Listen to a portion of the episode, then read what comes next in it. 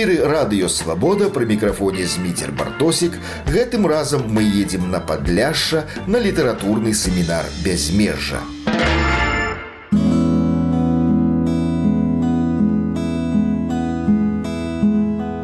Сярэдзіне снежня на падляшшы ва ўтульнай аграсядзібе, што схавалася ў нетрах белавескай пушчы, адбыўся юбілейны двадцаты літаратурны семінар бязмежжа, куды быў запрошаны і ваш пакорны слуга.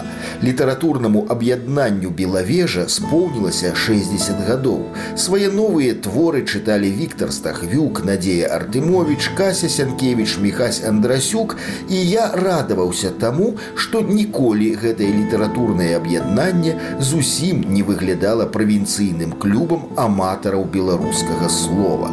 Ёсць у падляжцаў свой арыгінальны твар.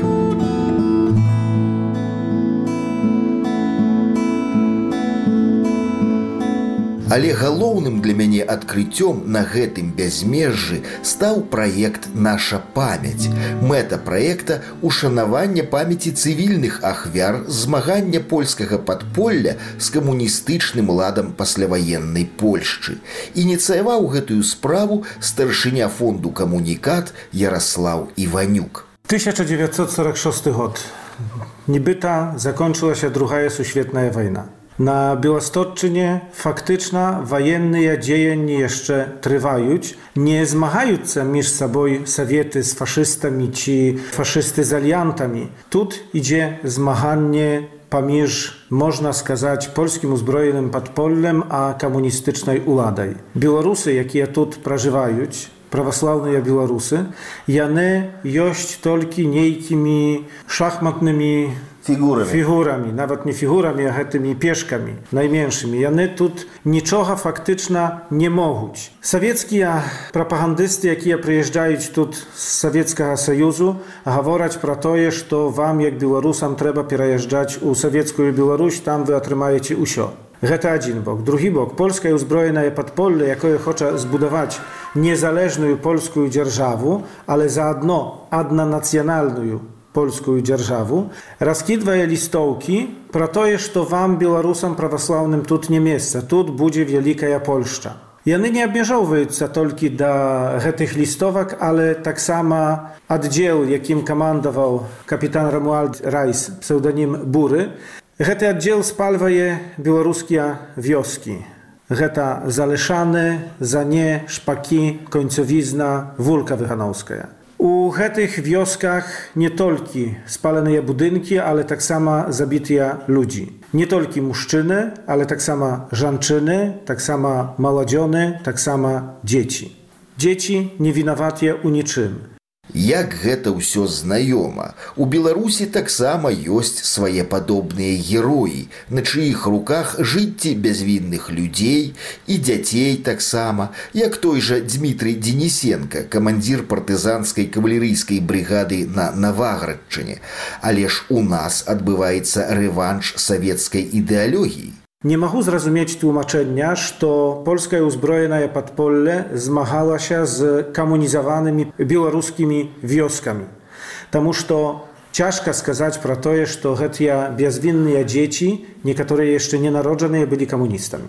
I właśnie pamięć про te achwiary my chcemy zachować naszą pamięć, jaka będzie rozpowiadać pro to, jak było u saprawności, tak jak wyglądali fakty. Fakty byli bezsprecznie, z tym dyskutować historykam Nielcha.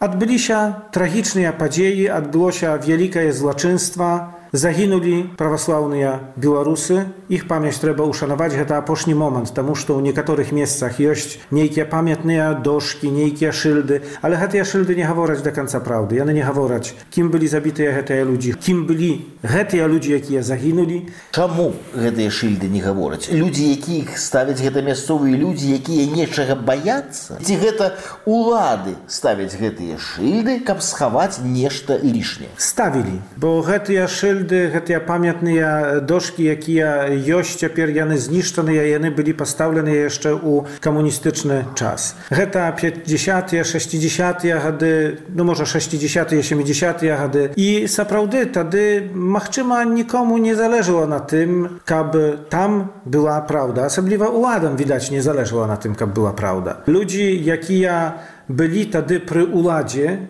Jany faktyczna nie zrobili niczego za czasu Polskiej Narodnej Republiki, kab te achwiary byli należnym czynem uszanowane. Później, podczas już niezależnej Polszczy, te same ludzie, jakie byli przy komunistycznej uładzie, przy uladzie, mhm. jany zaczynają zmagać się za pamięć tych achwiarów Buraha, kiedy już nie było tak już prosta. Таму што гістарычная палітыка ў Польшчы пашла ў тым накірунку, каб усхвальваць, узвялічваць такіх людзей як Рамуальд Райс, які зрабіў тое, што зрабіў у беларускіх вёсках.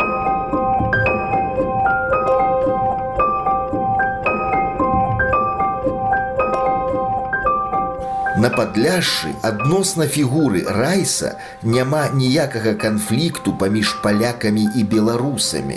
Мне здаецца, ёсць канфлікт паміж сумленнем і ягонай адсутнасцю. І ў праекце наша памяць палякі прымаюць ключавы удзел.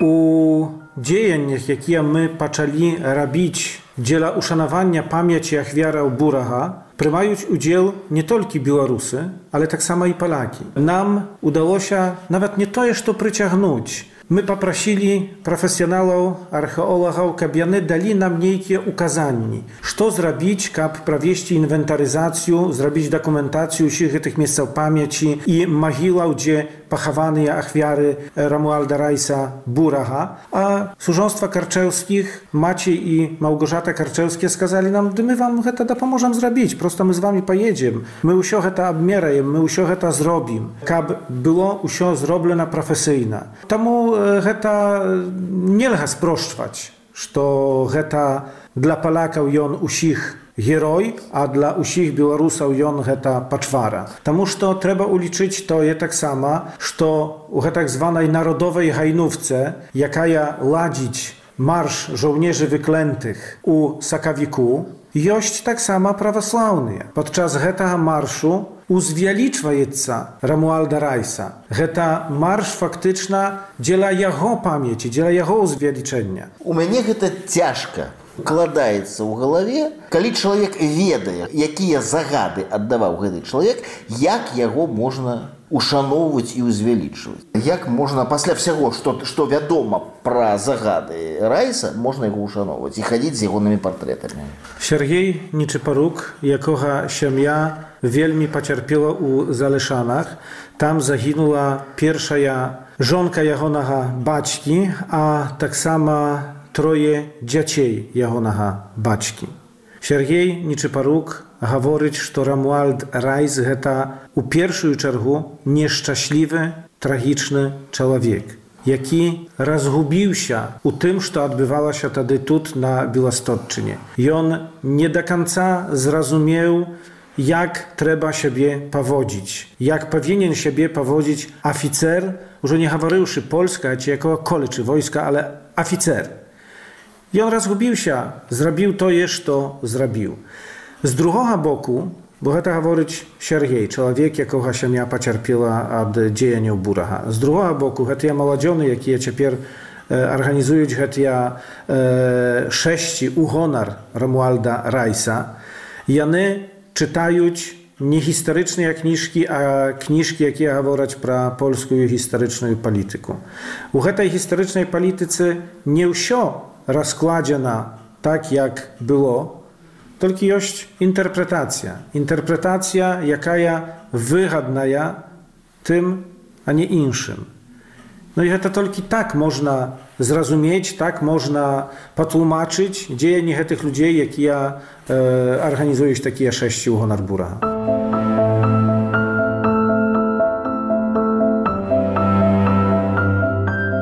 Мяне застаецца загадкай, як пасля ўсяго, што стала вядома пра Рамуальда Райса, пра спаленыя ім вёскі, пра дзясяткі ахвяраў, як можна выходзіць на шэсце з ягонымі партрэтамі.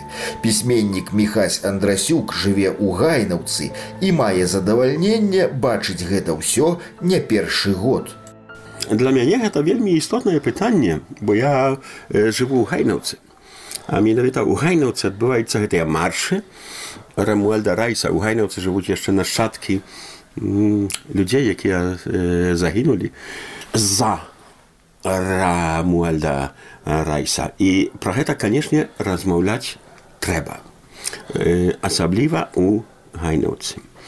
Ведаеш, калі ідзе там пра палітычныя выбары і так далей, я не супраць каб аддаць свой голас у выбарах там за кандыдатаў нейкага там пісу і так далей бо я галасую за канкрэтнага чалавека.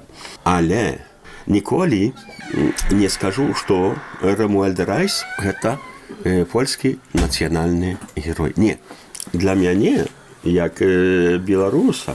Хаця ніхто калі казаць пра маіх продкаў ніхто не пацярпеў ад рамуальда райса якраз ну так здарылася што по геаграфіі мы былі ў іншым месцы ніхто з маіх продкаў не пацярпеў ад рамуальда райса але пацярпелі мае сурадзічы і я ніколі не скажу што рамуальд райс гэта герой канешне так Рамуальд Райс гэта быў добры жаўнер, там гераічны жаўнер, там які атрымаў вертуці мілітар, мілітары два разы.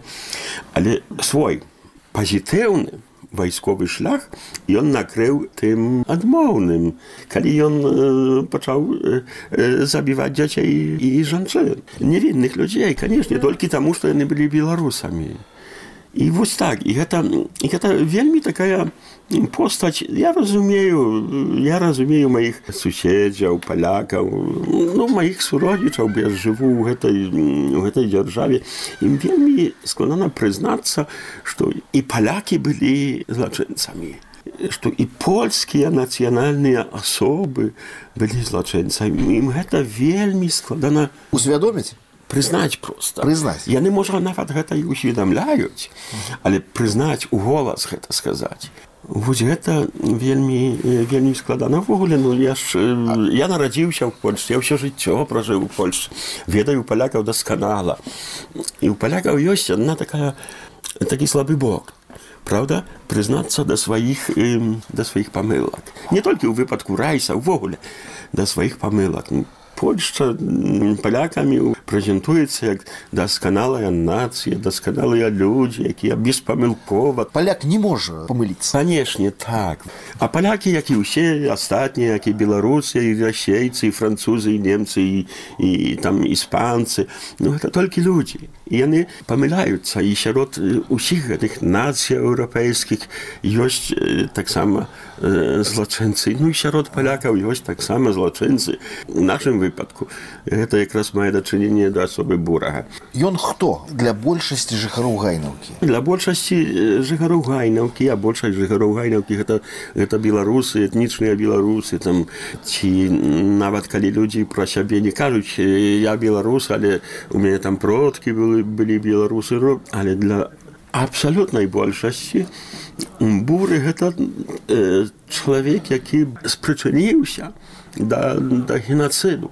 А самі гайнаўцы ўдзельнічаюць у гэтым шэсць. Жыхары гайнаўкі іх у гэтым шасці няшмат. Гэта прыязджаюць людзі з розных мясцінаў Польшчы. Прычым гэта марш такі нешматлёдны ён. Ага. Але я баюся, што ён будзе вырастаць з ходам часу праўда?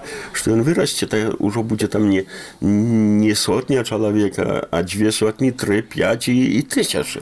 Я баюся што гэта так будзе вырастаць у такім плане. Прыязджаюць людзі якія не ведаюць нашу мясцовую гісторыю для якіх гэтыя жаўнежавы кленці гэта нацыянальныя героі гэта нацыянальны міф новы польскі нацыянальны міф ці былі на беластотчыне беларускія шэсці.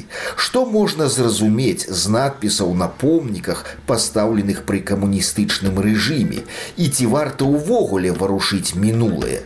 Пра гэта ў другой частцы нашага падарожжа на беластотчыну праз тыдзень У эфіры радыёвабода. Мы з вами на беластотчыне на літаратурным семінары бязмежжа. З вами быў Зміцер Бартосік да новай сустрэчы праз тыдзень.